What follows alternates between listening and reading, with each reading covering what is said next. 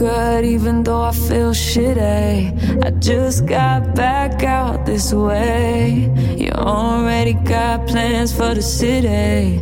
Call them off, cause you call them off for me. You're always going on and on. Got it all, ask me why I'll never leave. I don't go out much, you should come through tonight. I'm chilling on the west side, boo. Call my homegirl, tell your best friend he could slide too. On the low, remote location. I don't want them see me get What up Peppe? Det är bra Magnus. Härligt. Berätta, vad, vad pågår i ditt liv just nu? Hör du är fullt vaccinerad. Det är nice i och för sig. Det är otroligt nice. Och uh, nyklippt är jag också. Mm, och nytatuerad. Och nytatuerad. Gud, det är väl inte så jätte... Nej, nej. Men hörde, jag tänkte på en sak när jag klippte mig i uh, måndags. Mm. gick till en, en kompis som är superduktig eh, frisör och eh, hon, hon, hon var så här, sätt dig ner och sen bara tog hon hand om mig. Hon, hon gjorde vad hon ville med mitt hår och det var så skönt. Det var så skönt att inte behöva fatta ett enda beslut eller ha en åsikt om någonting. Utan bara sitta där och lita på att någon annan ror det här skeppet Jag som vi kallar min frisyr i land. Jag hör det 100%. Det är därför, så är mitt liv.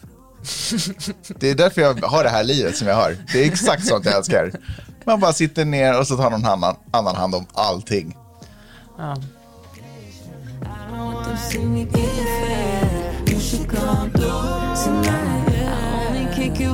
them Du lyssnar på Magnus och Peppes podcast.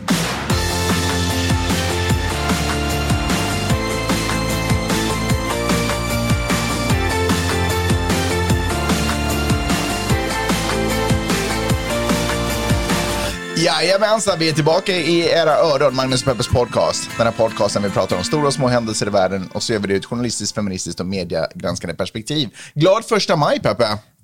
Tack, Magnus. Och glad valborg också, kan man väl säga. Vi kör allt på en gång. Ja, men det är ju den helgen där det sker.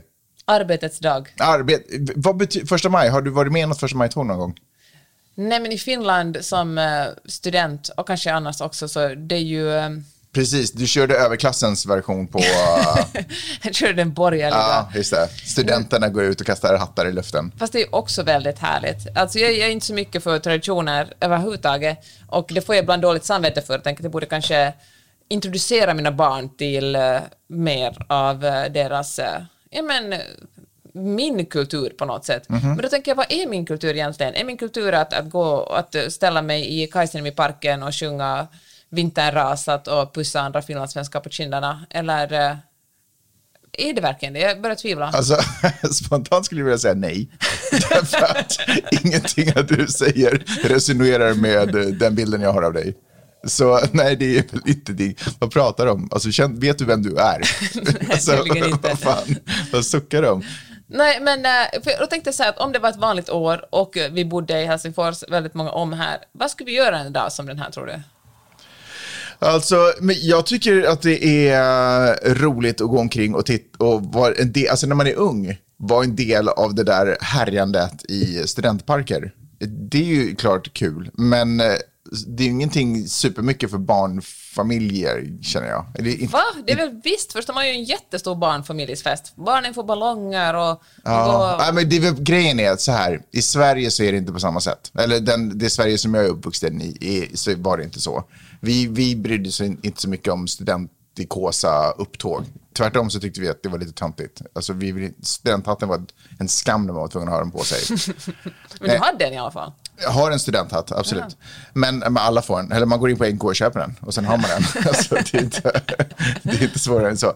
Men eh, Eh, så hela den här, eh, det här, den delen, så för mig så har det här egentligen kanske, om det har varit någonting den här helgen, så har det ju varit ett fokus på första maj, alltså arbetarens dag. Eh, det kunde man däremot gå ut någon enstaka gång när jag var liten och titta på demonstrationstågen.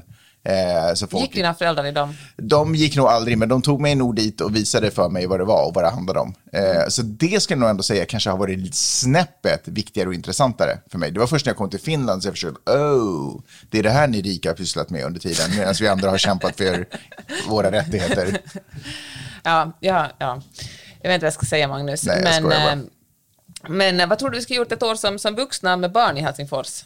Nej, men vi hade väl varit ute och frusit. Eh, och sen Vi hade så... tvingat upp allihopa till Kajsen vid parken, Ja. för det gjorde min pappa med oss när vi var små. Och sen så hade vi suttit där, så hade vi träffat massa vänner förstås. För det är ju det härliga med att gå omkring i Helsingfors, att man känner ju alla. Känslan är att man känner alla, rättare sagt. Eh, och så får man ett litet bubbel av någon och så säger man hej och mm, vad kiva kiva och fitti tisti. Och sen så går man vidare till nästa grupp och så sådär. Och sen så hade du varit sådär, nej men hörni ska vi börja röra oss hemåt. Men då hade jag blivit så pass mycket i gasen. Så jag bara, nej men jag stannar här med de här. Och så hade du och barnen gått hem. Men gud, du fattar ju ingenting. Alltså det här, klockan är, nu i din värld är klockan typ lunch. Och då hade någon varit sådär, men herregud, vi har brunch! Vill ni komma på brunch? Våra barn är också där. Vi bara, fan vi hade tänkt åka hem. Och de bara, Ah, nej, just kom på brunch. Just Barnen hade fått varsin alldeles för dyr ballong. Vi hade också brunch. Dyr varit- ballong! Ja, men det får ju alla barn. Och, eh, och så hade vi åkt på brunch, det var superhärligt. Vi hade, jag hade, vi hade talat politik, arbetarnas dag och skoja och skratta ätit gott. Och sen när klockan blev fyra, fem, då, skulle, då är jag sådär, nej nu är det nog dags att tänka på refrängen. Och då är du sådär, Gasar upp. ja, och jag bara, åh, gud vad Då kommer jag vara så här, jag ska bara klippa fyra poddar imorgon. Jag kan greja det. Jag kan köra några timmar till. Ja, skitsamma. Hoppas ni har det trevligt där ute. Jag tänker att ni är där för att ni är inte på uh, Clubhouse. Jo, men lite. Du är på Clubhouse i alla fall. Carolina är här, någon kan man lita på i den här världen. Då kan man lita på den här världen. Eh, otroligt roligt i alla fall. Men det måste jag ändå säga att valborgsmässoafton i Finland har ju varit några av mina roligaste, eller alltså där valborg första maj slash första maj, har ju varit några av mina roligaste dagar. eh, Men det var ju också för att vi var barnlösa på den tiden. Också, alltså, jag Nej men tänker- alltså jag har inte haft något roligaste med dig där. Jag har verkligen, det var långt innan oss. Hörru, ska vi eh, snacka lite podd idag? Yes.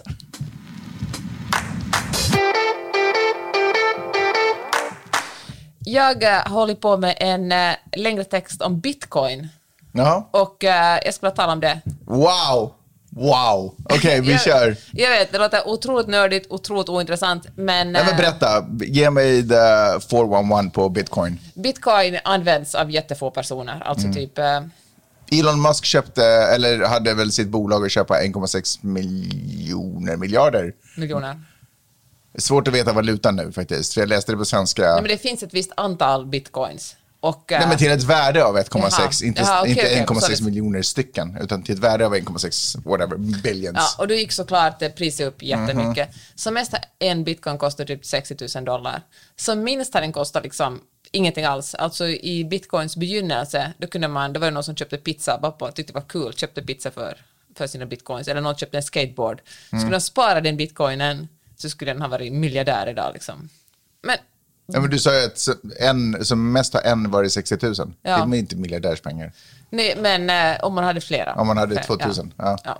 Hur som helst, så, så är, det en orsak att folk sitter på sina, inte använder dem så mycket bitcoin sen. Mm. För att äh, värde bara åker upp och ner. Elon Musk kommer in och köper, värde går upp. Och sen händer någonting annat, värde går ner. Så att ingen vill liksom slösa bort dem. Man kan shoppa, man kan tydligen shoppa på Paypal håller, och Mastercard håller på att utveckla något system som man skulle använda bitcoin för att, för att köpa grejer. Men det är väldigt, väldigt smått än så länge. Mm.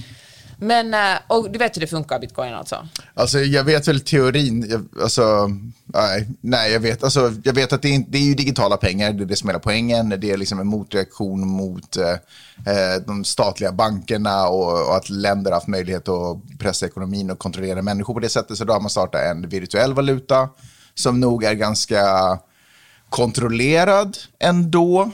Det finns, alltså bitcoin är ju ett märke på den här virtuella valutan. Det finns ju jättemånga olika kryptovalutor. precis, men det är väl den mest kända Eh, och, så, och den som har högst värde, och, eller stabilast högst värde. Ja, det vet jag faktiskt. Ah, Ja, okej, kanske. ja. ja, men skitsamma. Och så, så finns det någon form av sån här miningkultur runt det, att man, det, tar tid att skapa en sån här bitcoin. Man skapar, man skapar det skapande genom olika så matematiska lösningar. Det ska vara svårt att skapa en. Det ska vara komplicerat. Mm. Det ska inte gå att kopiera i all oändlighet. Måste man räkna ut jättesvåra eh, liksom, ekvationer innan man kan få sin första... Och man är alltså inte du personligen, utan det är datorer som gör det. Och det är egentligen det som är problemet, är att eh, bitcoin kräver extremt mycket energi för Mm. att utvinna bitcoins. För varje bitcoin som produceras, det kommer inte bara att produceras ett begränsat antal för Mm. övrigt, var det 21 miljoner eller något sånt, sen det tag stänger man locket på det. Men för varje bitcoin som produceras så krävs det en lite mer avancerad matematisk eh, uträkning Mm. och det kräver enormt mycket energi som i sin tur gör jättestora koldioxidutsläpp. Du vet det här att, att eh, när du kollar på en film, eller vi kollar på HBO på kvällen, krävs det ju energi för att streama en Alla någonting. fläktar på alla servrar överallt, eller är Ja. det det vi pratar om? Och, eh, och så här, en bitcoinbetalning det motsvarar 735 121 Visa-betalningar eller 55 280 timmar av att kolla på YouTube. En bitcoin betal, alltså man köper någonting med en bitcoin. Ja, Eller skapandet av en bitcoin. Det måste vara skapande. Ja, det måste vara bitcoin. skapandet av bitcoin. Sen kostar det säkert också, men vet, nej, utan också när man köper det, för då, måste, då kom, åker det ju information från det att man har köpt det. Just det, till någon säker plats som Ja. ska hitta den här. Okej. Det som jag bara inte... Och får jag bara säga Ja. det, för att man ska göra det så billigt som möjligt så produceras de flesta, alltså de bäst, flesta servrarna finns i sydvästra Kina, Mm. där det inte finns någon koldioxidskatt och där liksom det är billigt med kol. Så där, eh, där eldar man på och... eh, För att få de här fläktarna att gå runt på, Ja. för att hålla alla datorer svala. Ja.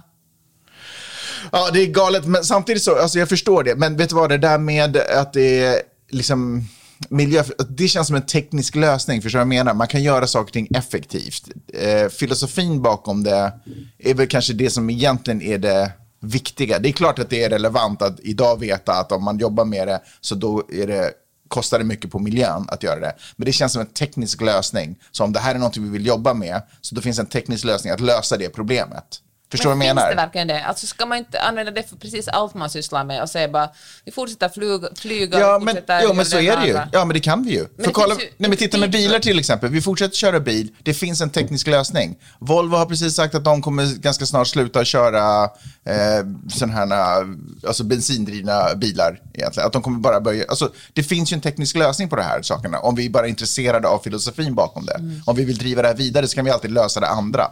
Sen så finns det alltid, som i bilarnas fall, så finns det ju förstås motintressenter som de som representerar eh, oljeindustrin som förstås inte är intresserade av den här utvecklingen som kommer kämpa med näbbar och klor. Men just när det kommer till bitcoin så då finns inte de riktigt, känner jag. Alltså vad skulle vara motsatt? Förstår du vad jag menar?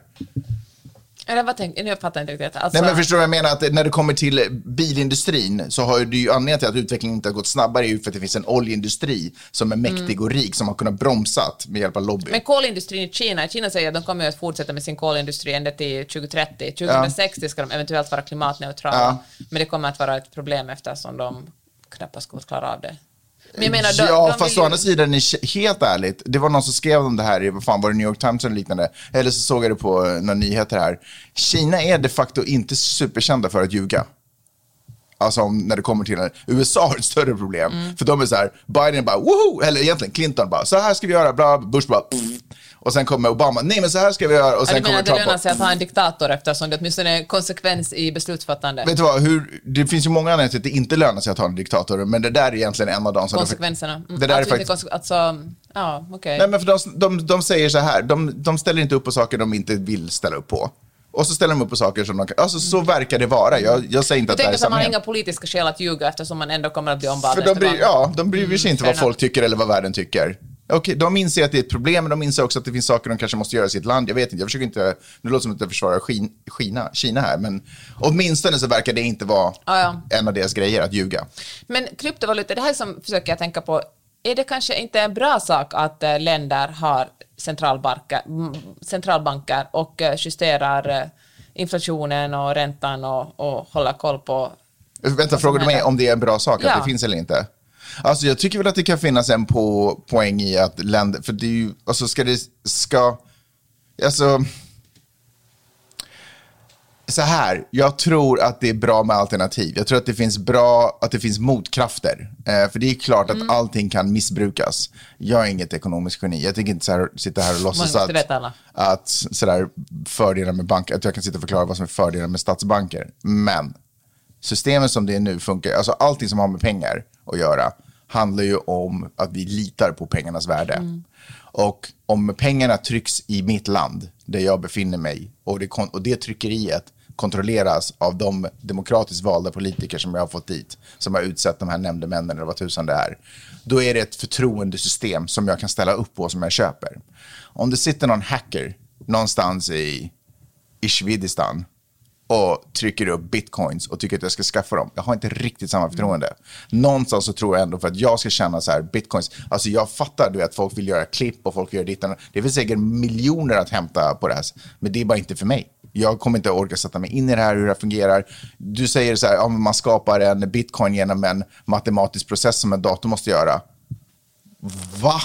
Vad snack... Vad är det ens? Men det är ju för att det ska vara så transparent som möjligt. Nej, men vadå transparent? Det finns väl ingenting mer otransparent än förklaringen. Eh, en bitcoin skapas genom att en dator måste göra en komplicerad algoritm. Va, vad betyder det? vad är det för algoritm? Kommer det ett pling? Är det som en mikrovågsugn? Att det kommer ett pling när den är klar och sen så ligger en bitcoin i Alltså jag fattar inte, vad betyder det där? Det är bara bullshit. Däremot ett transparent system är att chefen för nationalbanken säger sådär, wow, eh, vi har lite problem med inflation, vi kommer göra den här movesen. Och sen så kommer vi dra igång en sedelpress. Förstår du vad jag menar? Sen så kommer vi bara så här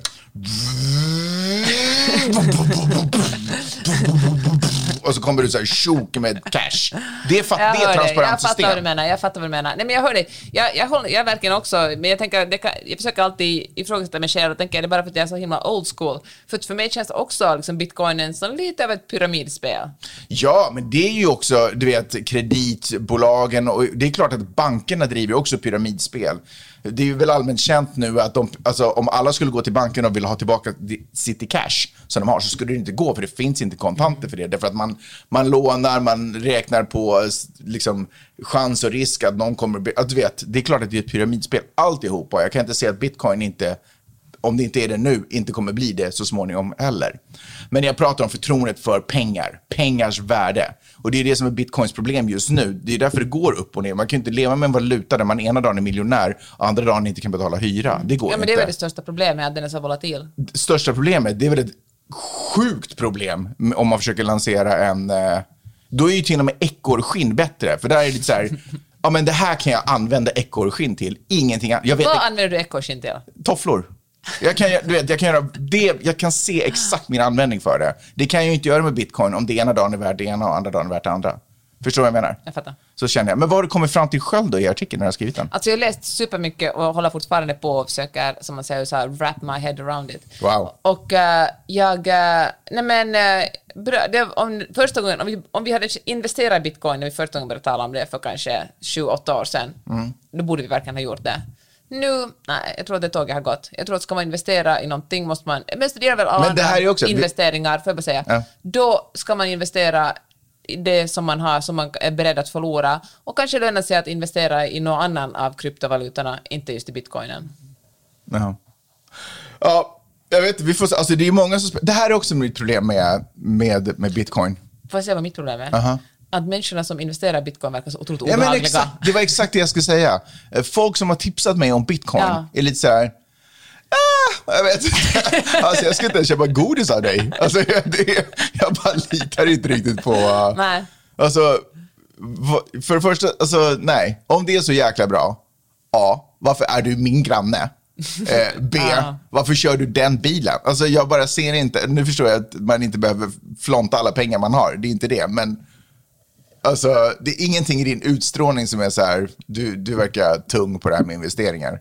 Och så har jag upplevt det jättemånga med Och jag fattar, det finns säkert ett klipp att göra, men det handlar ju om att köpa vid rätt tillfälle. Och klippet, det uppstår ju när man säljer vid rätt mm. tillfälle. Om man hade köpt för en massa år sedan, och så hade man kanske haft lite, i och för sig, de, det har väl stabiliserats på någon nivå, mm. men eh, ja, de här miljarderna, de skulle jag ändå inte ha fångat liksom. Nej, skitsamma. Så känner, ser jag på det.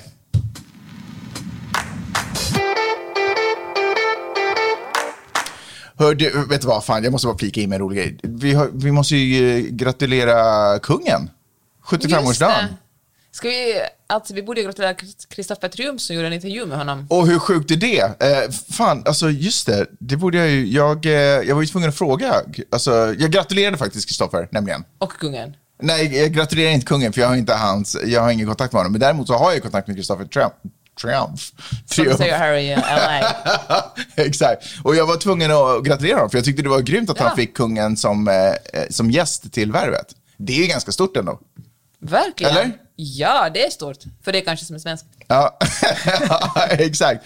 Eh, Så då skrev jag så här, för i helvete vad grym det är, så sjukt imponerad och glad för din skull, bla bla. Och sen så, så frågade jag så här, eh, var det svårare än vanligt att göra den här, förbereda sig inför den här intervjun? Eh, och så fick jag tillbaka ett svar. Det står så här, tack kära du. Eh, det var typ som vanligt, eh, men med lite mer möten och korrespondens inför. Ses i sommar va? Kan du fetglömma? Nej, jag ska bara, det är klart jag gör. Eh, jag, och det kan jag förstå, sådär planera och alltihopa. Men jag tänker ändå att det borde ha varit, liksom, vad ska man fokusera på? Man Men har ju börjat... han är ju proffs, alltså, han har gjort så många intervjuer. Jo, och han har gjort tunga intervjuer. Verkligen. Verkligen tunga intervjuer. Kungen är ändå kungen. Kungen är ändå kungen. Eller? Eller är han det? Han är ändå kungen. Han Eller varit... är han det?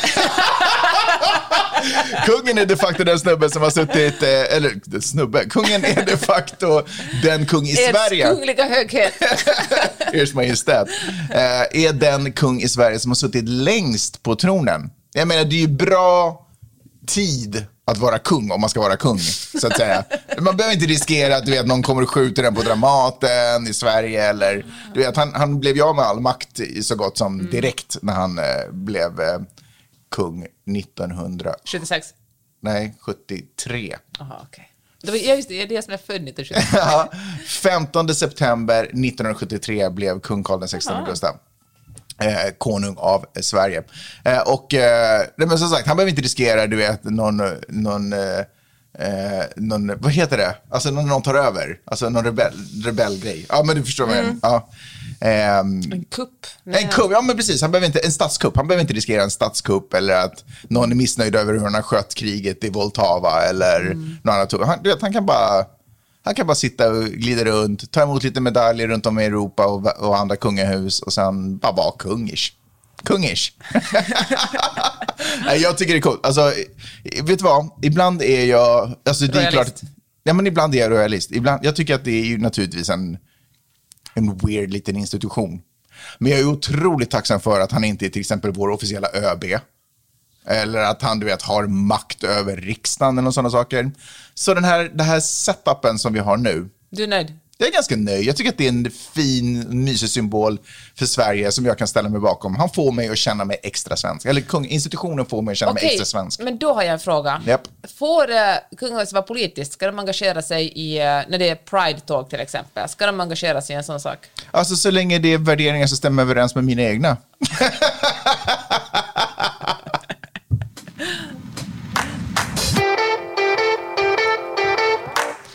Hör du, eh, förra veckan talade vi om mäns våld mot kvinnor Mm. och eh, den här veckan ska vi tala om hur man, eh, men hur ska man snacka med sina barn så de lär sig respektera kvinnor? Och då tänkte jag att eh, en fråga, jag vill ställa dig en fråga Magnus. Jaha. Kan du nämna tre kvinnliga förebilder?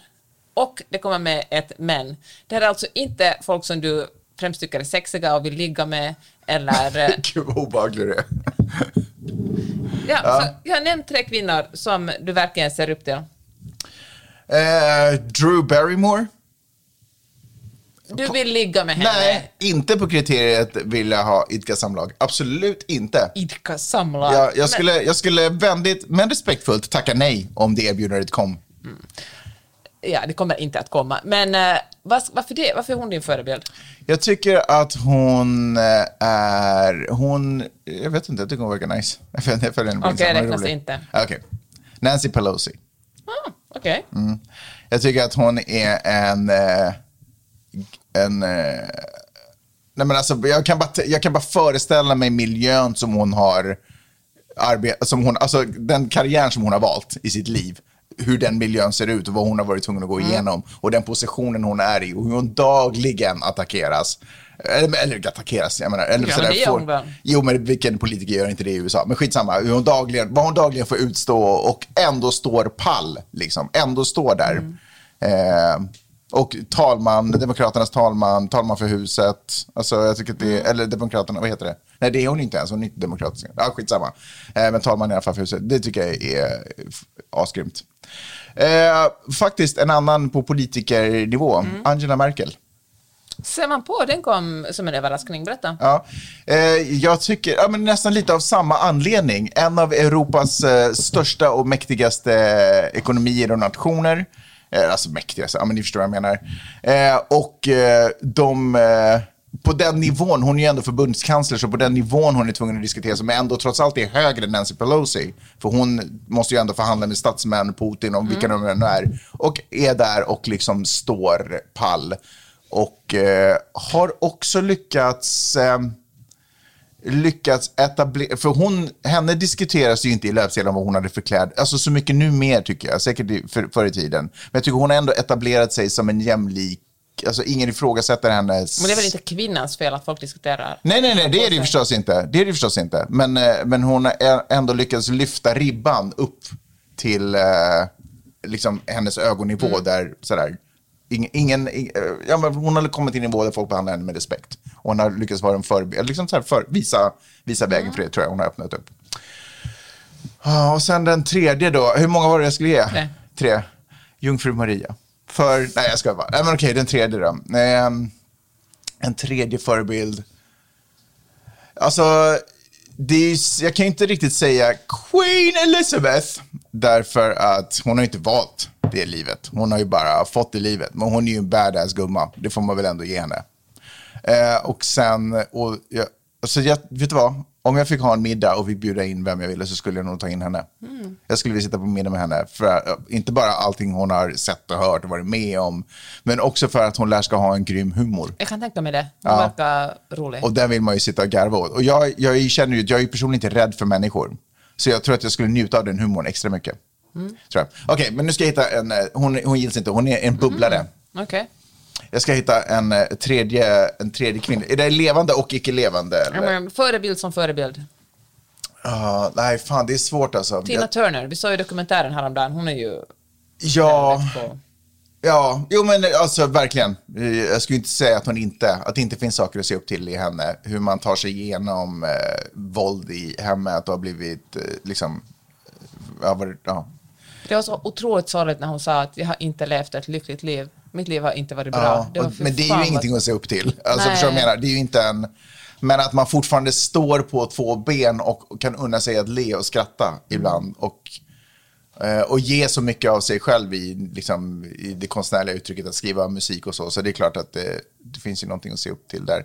Men jag tänker många av de här stora kvinnorna, eller stora människor överhuvudtaget som man ser upp till, man kanske inte, att se upp till kanske inte alltid det rätta att göra, men att man kan ju absolut låta sig inspireras av de personerna. Ja, alltså förebilder är förebilder. Man behöver ju som inte vilja leva den personens Nej, liv eller exakt. hålla med om exakt allt den personen har sagt eller gjort, men det kan väl ändå vara en förebild. Mm. Men jag tänker att det är viktigt att vi talar om kvinnliga förebilder eftersom, eh, eller att, så att vi kan komma fram till en plats där vi talar om förebilder och män nämner lika många kvinnor Mm. som de nämner män, för det gör, så är det ju verkligen inte nu. Jag kom tänka på det här för igår åt jag lunch med några kompisar så började vi tala om, om Elon Musk. Och så sa en av mina, eller vi började tala för mina väninnor tyckte att han var så superbra. Och fine, han har väl gjort ett och annat, men, eh, men då tänkte jag att det är oftast som kvinnor nämner män, eller liksom kvinnor nämner män och män nämner män. Men att vi måste på något sätt eh, göra det som en, jag tror det är viktigt att vi nämner kvinnor lika ofta. Vilka, vad är, vilka är dina tre kvinnliga förebilder? Jag eh, är ju otroligt imponerad av eh, Kamala Harris. Ah, gud, glömde Kamala Harris. Ja, hon är ju... Och nu, nu känns det ju väldigt... Alltså, Tarja Halonen. Mm. Vilken jävla... Alltså, hon nog måste vara genom skit. Och eh, jag kommer ihåg att alltså, Tarja Halonen, för er som inte följer med finsk Mm, Just politik det. jättenoga, hon är ju Finlands före detta president. Och eh, var länge utrikesminister. Jag kommer ihåg hur det skrevs om henne när hon var utrikesminister. Om att hon, hon blev kritiserad för att vara så hård och barsk och sträng.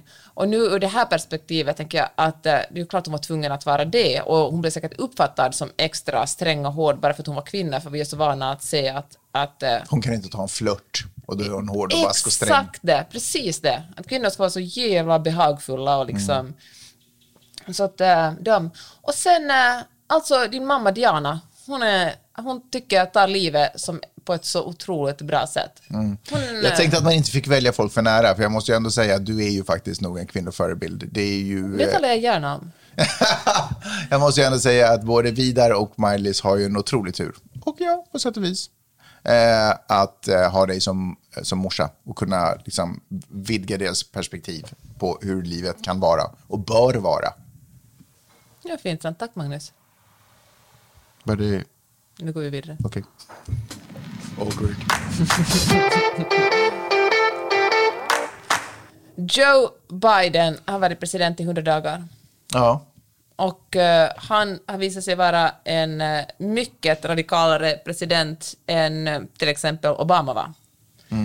Vilket är, alltså det sa jag tror jag i en podd tidigare också, men det gör mig på så otroligt gott humör att han verkligen lanserades som den tråkiga moderata demokraten som, men han, han snackar mycket om att man ska ena landet och man trodde han skulle komma in och liksom vara en demokrat så nära republikanerna att också republikanerna skulle gilla honom. Och eh, det är väl hans, eh, det är fortfarande hans, eh, det säger upprepar han hela tiden att han vill ena USA. Men fy fasiken vad han har kört på alltså. Han bara, infrastrukturen, barnbidrag, folk som tar hand, alltså kvinnor som tar hand om sina äldre föräldrar, alla ska få bidrag. Barn ska få gå i TK, alltså TK är året innan kindergarten. Kindergarten är ju, alltså jag tycker det blir förvirrande, preschool och kindergarten Kin- blandar kindergarten är ju nollte klass här. Ja. I, och Nollan. Nollan. Och TK är minus ettan. Och preschool är det som förr hette Ja, dagis. det är dagis, precis. Ja. Och eh, jag menar att alla ska få gå i, i TK, alltså tre och fyraåringar ska få gratis skola, vilket skulle underlätta enormt mycket för många familjer eftersom det är så himla dyrt med preschool. Mm. Och eh, då ledde det ofta till att, att mamman i familjen stannar hemma istället med sina barn istället för att ha barnen och gå i skola. Och för många barn så leder det här till att de också hamnar på efterkälken. Rikare familjers barn lär sig mycket i skolan medan, eller i TK medan andra barn stannar hemma. Och eh, också gratis community college, som är typ eh, folkhögskola här i USA. Otroligt bra, tänk det. det är ju, folk liksom eh, belånar sig någonting fruktansvärt för att få en högre utbildning. Och eh, nu frågar man sig varifrån ska de här pengarna komma? Ja, han ska beskatta de riktigt rika och företagen. Alltså det första Trump gjorde var att dra ner på, på företagsskatten och det som Joe Biden vill göra, han kommer inte ens att lyfta den skatten till det som det var tidigare innan Trump drog ner den, utan han kommer bara att lyfta den några procentenheter. Och, eh, och folk som tjänar mer än 400 000 dollar om året ska få en högre skatteprocent. Joe Biden menar att eh, medelklassen inte ska drabbas av det här. Usch. Tur. Och det låter, men visst låter det helt rimligt alltså? Alltså jag vet i USA har man ju sagt herregud så radikalt. Men eh, från en, ett europeiskt perspektiv känner man ju det här är väl inte mer än rimligt. Nej, ja, jag håller med. Alltså, jag tycker det är grymt. Men det har, jag har ju lite det där som vi pratade om tidigare, Kina versus USA. Om att nu gör ju han alla de här eh, förändringarna. Och det enda sättet som det här kan funka på lång sikt är ju att folk tar det till sig och börjar älska det. För om folk är så här, upplever att nej, jag har mindre pengar eller nej, min, på något sätt min frihet har inkränktats, så då kommer det här vara avblåst om fyra år när han inte är president. Eller så är Kamala Harris president då och så fortsätter hon i fyra år till. Ja, eller så inte och så är det avblåst. Eller är det? Alltså jag tänker att när man, jag vet, alltså, Alltså, jag förstår vad du Trump menar. blåste ju av jättemycket saker som Obama upp. Men, samt, men det här är ju väldigt konkreta saker. Tänk att ha dina barn som går i, i du får sätta dina barn i skola Mm. och plötsligt får du inte det. Alltså det är svårt att ta tillbaka, eller barnbidraget till exempel. Du får barnbidrag och så kommer en republikansk president och tar bort det barnbidraget. Det är Mm. ju ingen populär president då. Jag menar nästa republikansk, Nej, det om det blir republikansk president måste han då hitta på ett annat sätt att, eh, att, att eh, Alltså det är inte därifrån förändringen kommer komma. Det kommer ju komma ifrån att företag och rika personer blir beskattade. Det är de som i så fall kommer dra igång en, eh, en eh, kampanj som, Mm. som får det tillbaka. Så här, visa på att nu måste vi sparka en massa människor för vi har inte råd att skatta på vår vinst. mm, Eh, Eller, ja. eller nu, eh, nu, kommer, nu kommer jag flytta det här företaget utomlands som straff. Biden driver alla företag till Kina. Du vet, eller något annat sådär un-American. Eh, och, och så, då kommer folk bara säga, ja, men då vill vi inte ha det här. Och samtidigt som det röstas emot, då slänger också Republikanerna in det här med barnbidrag och alltihopa in i samma typ portion. Och så försvinner allting på ett bräde. ja, det kanske sker. Jag har inte Jag hem... Alltså förlåt, säg. Nej men alltså det kanske, jag tror inte, det är svårt att ta, ta tillbaka saker som man ger ens röstare, men det, jag tänker att det kommer att eh, dra ner på, alltså klimat, till exempel klimatfrågor kommer kanske att nedprioriteras. Man bara, det är för dyrt för USA att eh, satsa på ett hållbart klimat och sen kommer man att tillåta utvinning av olja eller något sånt. Den är fan också svår att dra ner på. Hörde du eh, FNs eh, generalsekreterare var det väl inte i och för sig. De hade ju ett, eh, sen ett summit, ett mm. väderlekssummit. Ett väderleksmöte. Och där målas det ju inte upp roliga bilder om hur klimatet är. De, de menade på att vi just nu är otroligt nära just den här gränsen som forskare varnat för är oåterkallelig. Jag, alltså det är klart att miljön är ett problem. Eh, eller, men det Klimatet. Först, klimatet är ett problem. Eh, men alltså, det jag skulle först säga var att jag tror att den kan bli svår att gå för att det är så otroligt mycket fokus på just klimatet. Att det är svårt att ta backa på... Fast man kan göra det på ett snikigt sätt. Man kan Ja, säga sådär, kan ja man. Mm. men det är jättebra för de här företagen att få mer pengar, för då kommer de att ha möjlighet att investera i klimatsmarta lösningar, Ja, vilket de fine. såklart aldrig kommer. Nej, det har du faktiskt rätt i. Nej, men jag tycker, alltså, jag är väl för alla hans förändringar. Det är väl inte så. Men eh, jag har bara, vet du vad, det, här, det var inte hemskt länge sedan som jag bara hyllade USA. att Det är så grymt, för man kan verkligen påverka politiken här. Eh, och det är liksom ett, en ung nation på sätt och vis. Att det finns så mycket kvar att göra eh, här. Men samtidigt så är den ju... Eh, det är också ett hopplöst land. Därför att det innehas, det, det är befolkat av så otroligt mycket korkade människor. Och de har också rösträtt. Eh, och trots att det är komplicerat att rösta så lyckas de ändå få igenom sina röster. Och det är bara, det är nedslående. Men vet du vad? Man kan inte göra så mycket annat än liksom försöka stå för goda värderingar och öppna folks ögon. Och åtminstone så får ju Biden möjlighet nu att exemplifiera vad det kan innebära för medelklassbarnfamiljer att få ett barnbidrag. Och arbetarklassfamiljer. Och ar- arbetarklassfamiljer eller ensamstående mödrar eller vad det nu kan vara, att få barnbidrag eller att, få, att barnen får gratis skolgång. Det är klart att det kommer ju vara sådär, wow, går det här? Ja, landet rasar ändå inte ihop, det funkar, gud vad intressant. Det som är intressant är att, vi kommer ihåg att vi talade om, eh, om eh, minimilön. Mm. Det gick ju aldrig igenom sen. Alltså det finns ingen minimilön. Alltså minimilön är fortfarande är det 20-25 eller något sånt i USA. Mm. Men det som Biden också har gjort är att alla, alla contractors, alltså allt som staten, myndigheten har någonting att göra med, om man anställer någon för att måla om Vita huset, då är alltid minimilönen minst 15. Mm, okej. Han Men- sa i sitt tal där att ska vi inte bara lyfta upp det till 15 dollar? Och så applåderade demokraterna Mm. Ja. i salen. Men än så länge har inte röstats Nej. igenom. Men hör du, han är ju också, det ser ju bra ut för honom. Han fixar vaccinationerna, han liksom tog Mm. över efter Trump. Sen, ju, sen måste man väl lite kredit åt Trump, eller kanske det var Pence som ju var ansvarig för, för eh, pandemin, som lyckades ordna så att det finns vaccin åt eh, alla i USA. Mm. Alltså det var ju ett typiskt amerikanskt sätt att bara roffa åt sig allt liksom. Så, men, eh, men ehm, Joe Biden sa ju att under hans första dagar skulle 100 miljoner, alltså hans 100 första dagar skulle 100 miljoner människor bli vaccinerade. Och han nådde ju det här med råge. Alltså jag tror att till och med 200 miljoner människor är vaccinerade nu, så han liksom nådde det med dubbelt upp. Och, eh, men det som är intressant är att tydligen visste man det här hela tiden, att Joe Biden spelar tydligen på det här. Att han, under, han gör som du, han lovar... Undersäljer. Och sen bara Undersäljer. boom, levererar. Kolla på det här!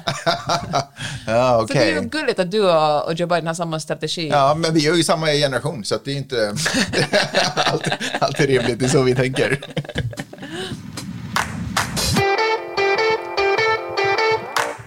Hör du, eh, tillåt mig att prata lite om Jennifer Aniston.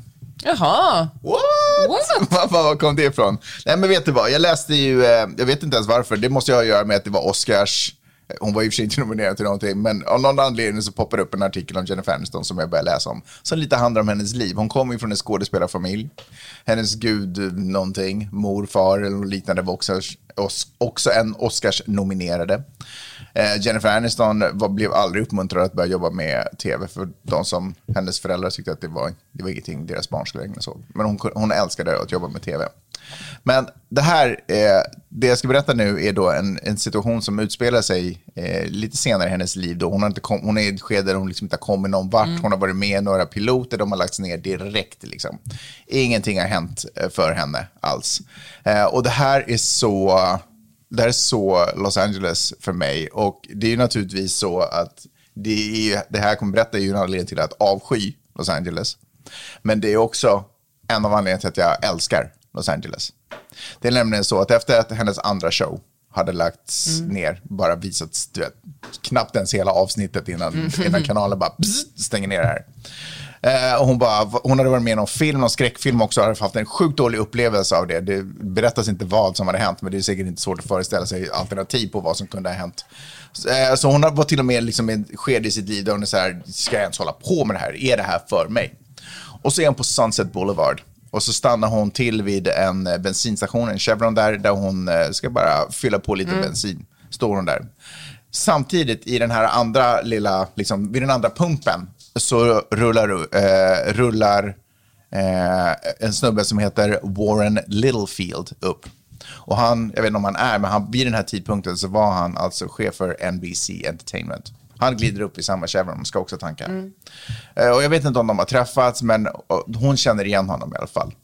Så hon eh, glider fram till honom och är så här, eh, så här säger hon, it's 10.30 p.m. at night on Sunset Boulevard.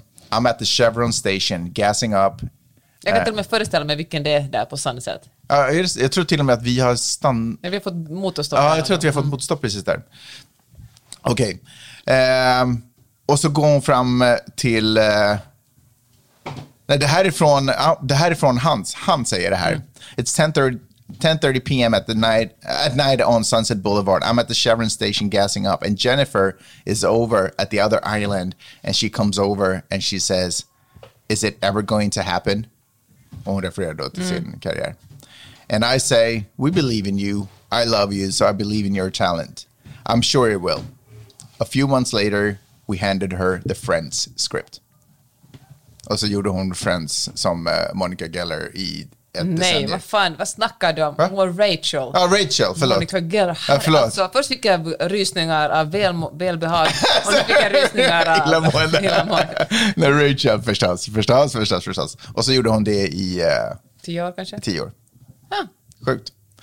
Till ju här- Efter det så har kanske inte hennes liv varit Va? väldigt... The Morning Show är ju jättebra. Nu är du inne på en Okej, second season. fine. Men det var typ den första Ja, och den enda det var- efter. Det ja. tog lång tid. Ingen av dem har ju haft lätt att hitta nya Men jobb. det här är ju verkligen, den här historien har nu eldat upp liksom eh, 5000 unga skådespelare. Alltså jag menar, det, det, på så historier som den här som man som 100%. Los Angeles får Syrien. Och det är ju underbart, för det stämmer ju. Ja. Sen stämmer det ju, det är the American dream liksom. Det stämmer ju verkligen inte för alla, men det stämmer. men det fast- hände ju fan, som vår kompis Corey, som fick en Ja. check av en kvinna på Starbucks. Ja, 20 miljoner dollar. Men hör du, jag vet, 100 procent. Och det här är så här, ja jag vet, eh, bara believe in yourself och följ drömmen, ge aldrig upp så kommer du lyckas. Men vet du vad som är här som ändå är ganska signi- signifikant för Los Angeles? För det, första, det är att för det första är folk ganska ärliga med vad de tycker och tänker och känner. Och man pratar med varandra. det är ju det som gjorde att det där typ hände. Hon gick fram till honom och pratade med honom fast han var the head of NBC's entertainment. Förstår du vad jag menar? Den här kommunikationen, att man möter varandra, man ser varandra. Eh, och det är klart att det kan vara en kall och hård plats också. Men just det faktum att man börjar chitchatta med varandra och sen ibland händer skit. Och alla är intresserade av att sådär, make a buck. Om du kan tala om för mig varför två dollar, om jag ger dig en dollar och du kommer ge tillbaka till mig två dollar så kommer jag ta det. Jag kommer vara med på det. Det spelar ingen roll om idén är bra eller dålig. Jag kommer vara med på det. Eh, och det är som jag sagt förut, att i Sverige ska jag uppleva väldigt mycket, och i Finland för den delen också, så där, man kan komma med en superbra idé och inte ens det håller. Liksom. Folk är bara inte, för därför vågar folk kanske inte sticka ut eller stå ut. Det handlar inte ens om pengar i det fallet, för det, är ingen, det finns inga pengar inblandade ändå.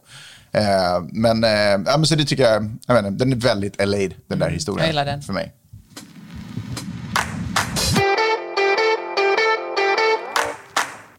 Hör du, nu känner jag att våra, jag inte känner att jag hör att våra barn börjar vakna. Mm. Det passar väldigt bra, för vi har eh, inget mer att säga, Nej. tänker jag. Ja, jag, jag skulle ju kunna säga att Elon Musk har blivit erbjuden att, eller skulle vara med i SNL, men jag vet inte riktigt vad som händer där, för folk blir väldigt upprörda. Elon Musk är ju inte super för vaccin. Har uttalat sig väldigt sketchigt mot sådär, Elon, vet du vad? Så här säger jag. Om jag ska vara singel Mm. och vara på Tinder om, eh, och träffa någon. Mm. Om den här personen säger att, att han beundrar eh, Joe Rogan, som också har nu gått ut och sagt att om man är ung och frisk behöver man inte vaccinera sig, Mm. eller Elon Musk, då skulle jag, det skulle vara en red flag för mig. mm, ni fattar. Vänta, Miley. Jag ska också säga att Britney Spears ska in i rätten. Det kommer ut en ny dokumentär i England eh, som, där pappan eh, antyder att anledningen till att han har tagit kontroll över hennes ekonomi är för att Britney Spears är dement. Men gud. Eller demensrelaterad, eh, någon sån här Ja, ja. Ja. Free Britney säger jag. Vi får se vad som händer där. Hörni, tack så hemskt mycket för att ni har lyssnat. Det har varit ett nöje att Nu ska vi dra podden. surfa. Det gör vi. Blir det ridning idag? Nej. Fan också. Fan också. Fan. Men, ja, det blir eh, surf i alla fall. glad för det kanske maj. blir dubbelsurf. Ja, det blir det förresten. Vi ska till stranden senare på eftermiddagen också. Ja, grymt. Ja. grymt. Glad första maj, glad valborg. Aha. Glad maj. glad maj. Glad maj. Glad ja. arbetarnas dag. Glad arbetarnas dag. Och eh, vi hörs om en vecka. Det gör vi. Kramar. Hej! Jag har inte ätit frukost. Nu gör du det.